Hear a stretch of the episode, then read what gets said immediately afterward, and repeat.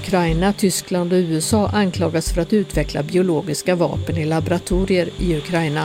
Simply not true. That's a clear sign he's considering using both of those. Varningar om biologisk krigföring i Ukraina, oklarheter om coronavirusets ursprung och oro för nästa pandemi. De senaste åren har virushotet blivit allt mer påtagligt. The intelligence community is split on whether the virus came from human contact with an infected animal or emerged in a laboratory accident. Men vad är egentligen ett viruslabb? Och hur farlig är forskningen som bedrivs där? På en kvart får du en inblick i den okända världen av biologiska högrisklabb och vilka risker brister i säkerheten kan leda till. Look, it came out of China. Something happened. Either they made a terrible mistake, they didn't do the job that they should have done. It's too bad. Det är fredag den 29 april. Jag heter Alexandra Karlsson och det här är dagens story från Svenska Dagbladet.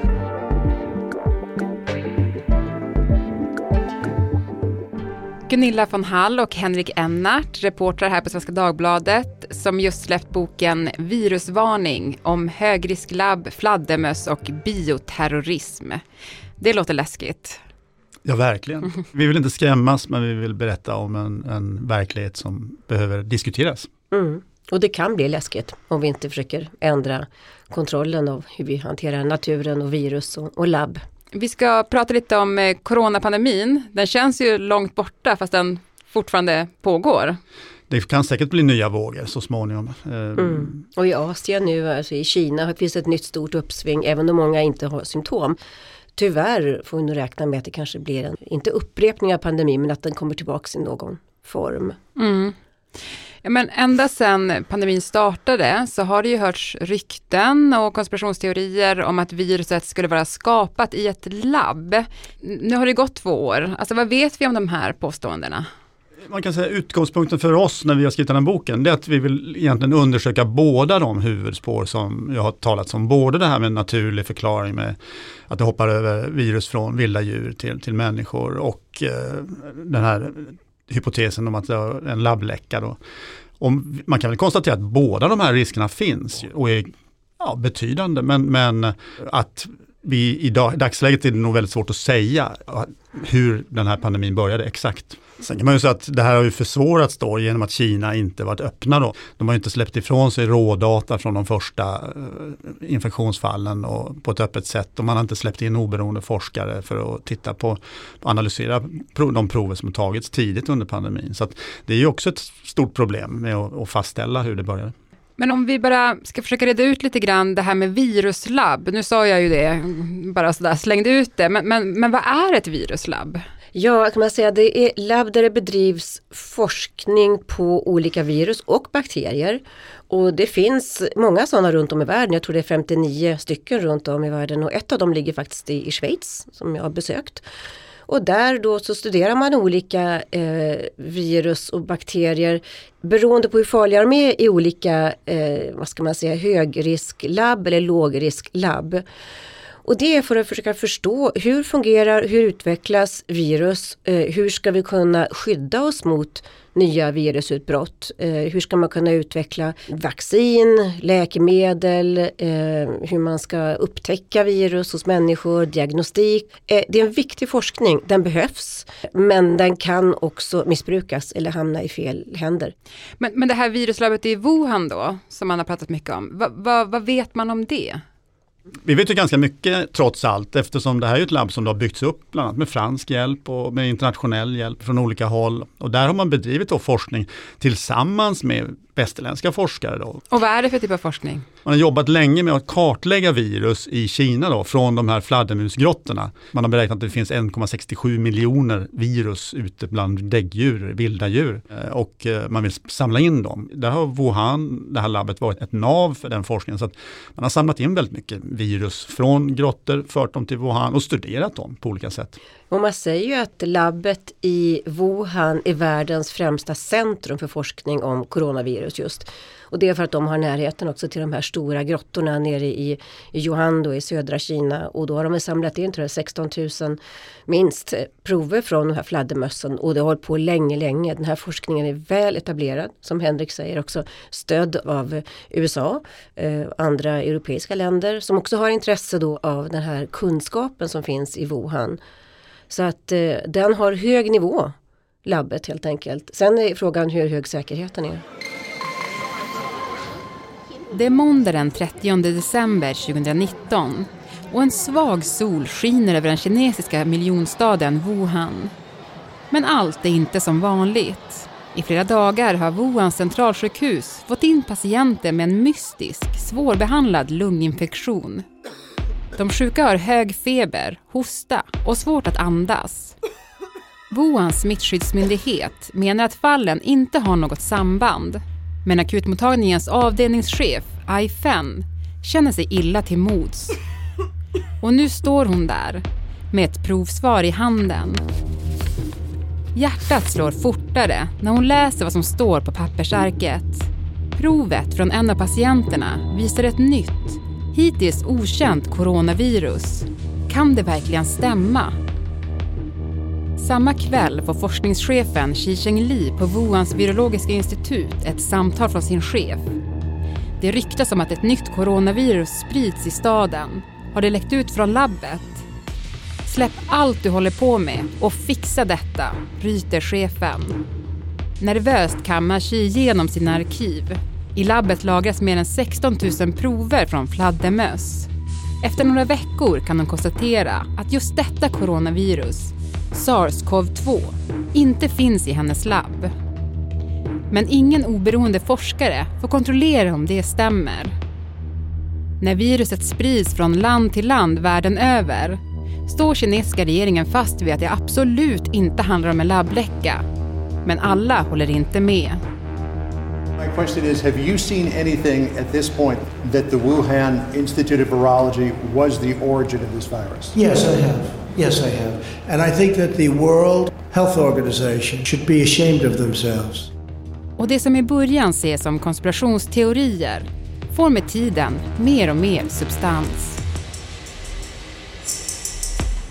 Det har ju kommit fram eh, ja, bland annat videofilmer och olika, olika publicerade studier där man sett att det har bedrivits forskning som i andra länder betraktas som riskabel i eh, labb som har en lägre säkerhetsnivå. Då. Man brukar tala, det finns fyra säkerhetsnivåer internationellt, från ett till fyra och man har alltså forskat på coronavirus i den näst lägsta nivån, alltså nummer två. Varför det? Därför att coronavirus inte har funnits med på listan över de liksom patogener som, som ska studeras i, eh, på, på den högsta nivån. Och det kan man tycka är, är liksom, varför gör man inte det på högsta nivån? Men det har inte sett som så, så farligt. De lägger ut videofilmer då, eh, labbet, och som de är väldigt stolta över. Men där ser man då forskare som går in i grottorna. Så plockar de då fästingar där det finns virus från fladdermössen. Så det är lätt att bli biten eller få lite saliv på sig eller att man på något sätt blir smittad av viruset när man är inne och samlar prover i, i grottorna. 追踪 SARS 病毒源头，并分离出多种新型病毒。 Då förstår man riskerna med sån här forskning och att samla in de här farliga viruspartiklarna. Men just ursprunget av coronaviruset, det vet man inte. Det kommer vi inte få reda på. Nej, det är lite tråkiga svaret är att vi kommer säkert aldrig få veta det och det beror ganska mycket på att det har varit så nedstängt med information. Då. Så att, och det är liksom en viktig lärdom inför framtiden att vi måste ha en extrem öppenhet när det dyker upp den här typen av, av eh, virus. Så att forskare från hela världen kan, kan gemensamt eh, lösa de här frågorna. Då. Ja, och Kina framförallt är att WHO och deras team har inte fått komma in. De fick komma in på labbet där i ja, 30 minuter eller någonting sånt. Eller ett par timmar kanske det var. Men det var, de visades runt, vallades runt ska man väl säga. Och fick inte undersöka eh, alltså uppgifter. Eh, databasen har ju stängts ner då också 2019. Så de har inte fått tillgång eller tillträde till någonting. Och det gör att man kan inte säga att den här teorin om någon slags läcka från ett labb har utretts. För det har den inte. För de har inte kunnat göra det. Och sen när det gäller, ja, har det kommit då över från fladdermöss till vilda djur, vilket är en sannolik teori. Så kan man inte heller riktigt komma till botten med det från de här djurmarknaderna då, där det kanske har funnits och spridits de är, de är borta och det är borttvättat. Och det är liksom rent och snyggt och så har det kommit in nya djur nu och det, det är för sent. Och då, då har vi de här två teorierna och ingen av dem har kunnat bevisas. Och det är förmodligen 70% av alla pandemier, då är det naturligt ursprung. Men i och med att bioforskningen och de här labben då ökar explosionsartat så kan ju då risken att det kommer från ett från ett labb öka också. Det kan ju vara så pass enkelt så att det är en forskare som har smittats i fält i naturen från ett vilt djur. Han går hem, smittar sin familj och sen smittar de staden och sen smittas hela samhället. Sen kan man ju tillägga det också att liksom, det har ju hänt otroligt mycket när det gäller biologiska metoder och den här biotekniken. Och det gör ju att man idag ganska enkla labb kan bygga ihop virus och kontrollen är väldigt eftersatt fortfarande, för kontrollsystemen har liksom inte alls hängt med i den här utvecklingen, den tekniska utvecklingen, utan de är ju fortfarande konstruerade för många, många decennier sedan. Mm. Men, och jag tänker då att om, om det är bristande kontroll och, och, här tänker man kanske att det ändå är forskning som bedrivs eh, i ett gott syfte, men, men man kan ju också bedriva forskning på biologiska vapen i, och använda som det. Man kan använda och utveckla riktigt elaka virus, riktiga monstervirus. Men hur gör man sen vapen av det? Och det är ett annat steg. Få länder skulle använda om något i och med att när man släpper ut ett biologiskt vapen så slår det mot alla inklusive en själv. Och, och det gör ju att kemiska vapen och kärnvapen är ju mer begränsade på det sättet. Biovapen, släpper du loss ett virus så kan hela världen gå under. Det, det är helt enkelt ganska besvärligt att använda. Ganska lätt att spåra också när det gäller virus och bakterier. Att man, eftersom de muterar hela tiden så kan man då gå tillbaka i efterhand och se vilka stammar det här och man kan spåra tillbaka stammarna. Så det, det, är inte alldeles lätt att använda faktiskt i, som vapen. Och i fallet med Ukraina då så är det ju mycket, ja men Ryssland anklagar Ukraina för att ha, de har haft forskning på biologiska labb, det har de haft mm. och det är, det är helt öppet och transparent och det vet USA och västländerna och WHO om. Eh, men bakom de argumenten från Ryssland så finns ju kanske att man vill ha det som kallas falsk flagg. Att man vill, mm. De kommer att använda biovapen. Det kommer att motivera och rättfärdiga att Ryssland använder kanske kemiska vapen. Så att det finns ju ett stort spel bakom det mm. där. De vi bakterier så, som, som uh, Ryssland har anklagat Ukraina för att ha haft de är ju generellt sett sådana som finns på varenda labb, eller på många labb även i Sverige och i hela världen. Det är, det är referensstammar som, som inte är något, något märkvärdigt. Mm. Så att det man använder, det är ju väldigt mycket propaganda i det här. Men, men vad vet vi om Rysslands biolabb? Vi vet ju ganska mycket faktiskt om de tidigare biolabben. För att under kalla kriget så var ju, då, då höll både USA och, och, Sovjet på ganska intensivt, hade stora program för, för biovapen. USA la ner sitt program slut på 60-talet och, och, Ryssland hade fortsatt in på 90-talet, alltså det var det Boris Jeltsin som, som la ner stora program då, som de hade där. Då var ju Sovjet i upplösning så att många av de här forskarna som jobbat inom det här programmet då, då, hade faktiskt USA och även Europa program för att få de här att eh, eh sysselsätta sig med, med fredligt ändamål då, så att de inte skulle börja förse terrorister med, för att tjäna pengar och för brödfödan. Då gav man dem helt enkelt jobb i civila labb och många av de här labben som Ryssland nu har pekat på i Ukraina, det är sådana labb som skapades i det programmet då för att sysselsätta de här tidigare militära sovjetiska forskarna. Och sen också som du säger att eh, när Sovjetunionen då föll samman, då fanns det ju en oro för att nu finns biologiska virus och vapen och sån forskning och då var ju USA och WHO snabbt på plats i flera av de här forna Sovjetstaterna för att kontrollera att det inte bara försvinner. Mm. Att det inte kommer i fel händer. Du sa det Gunilla, hamna i fel händer. Alltså hur oroliga ska vi vara för att farliga virus kan hamna i fel händer? I någon sänder som vill världen illa? Det finns faktiskt en sån stor oro. De vi har pratat med och nedrustningsexperter i Genève som jag har talat med säger att det här är faktiskt en, en risk, en fara. Det finns också forskning om att extremistiska grupper har försökt få tag på ebola till exempel i Östafrika. För en del är det en önskedröm. Och, och, det är väl en sån sak som vi tycker att det bör belysas. Det har varit en fråga som legat lite i träda ganska länge internationellt. Eh, det är fortfarande långt, långt efter om man jämför till exempel kärnvapen och kärnkraftverk till exempel och, och även då kemiska eh, vapen. Så det här är ju långt, långt sämre reglerat och ja. kontrollerat.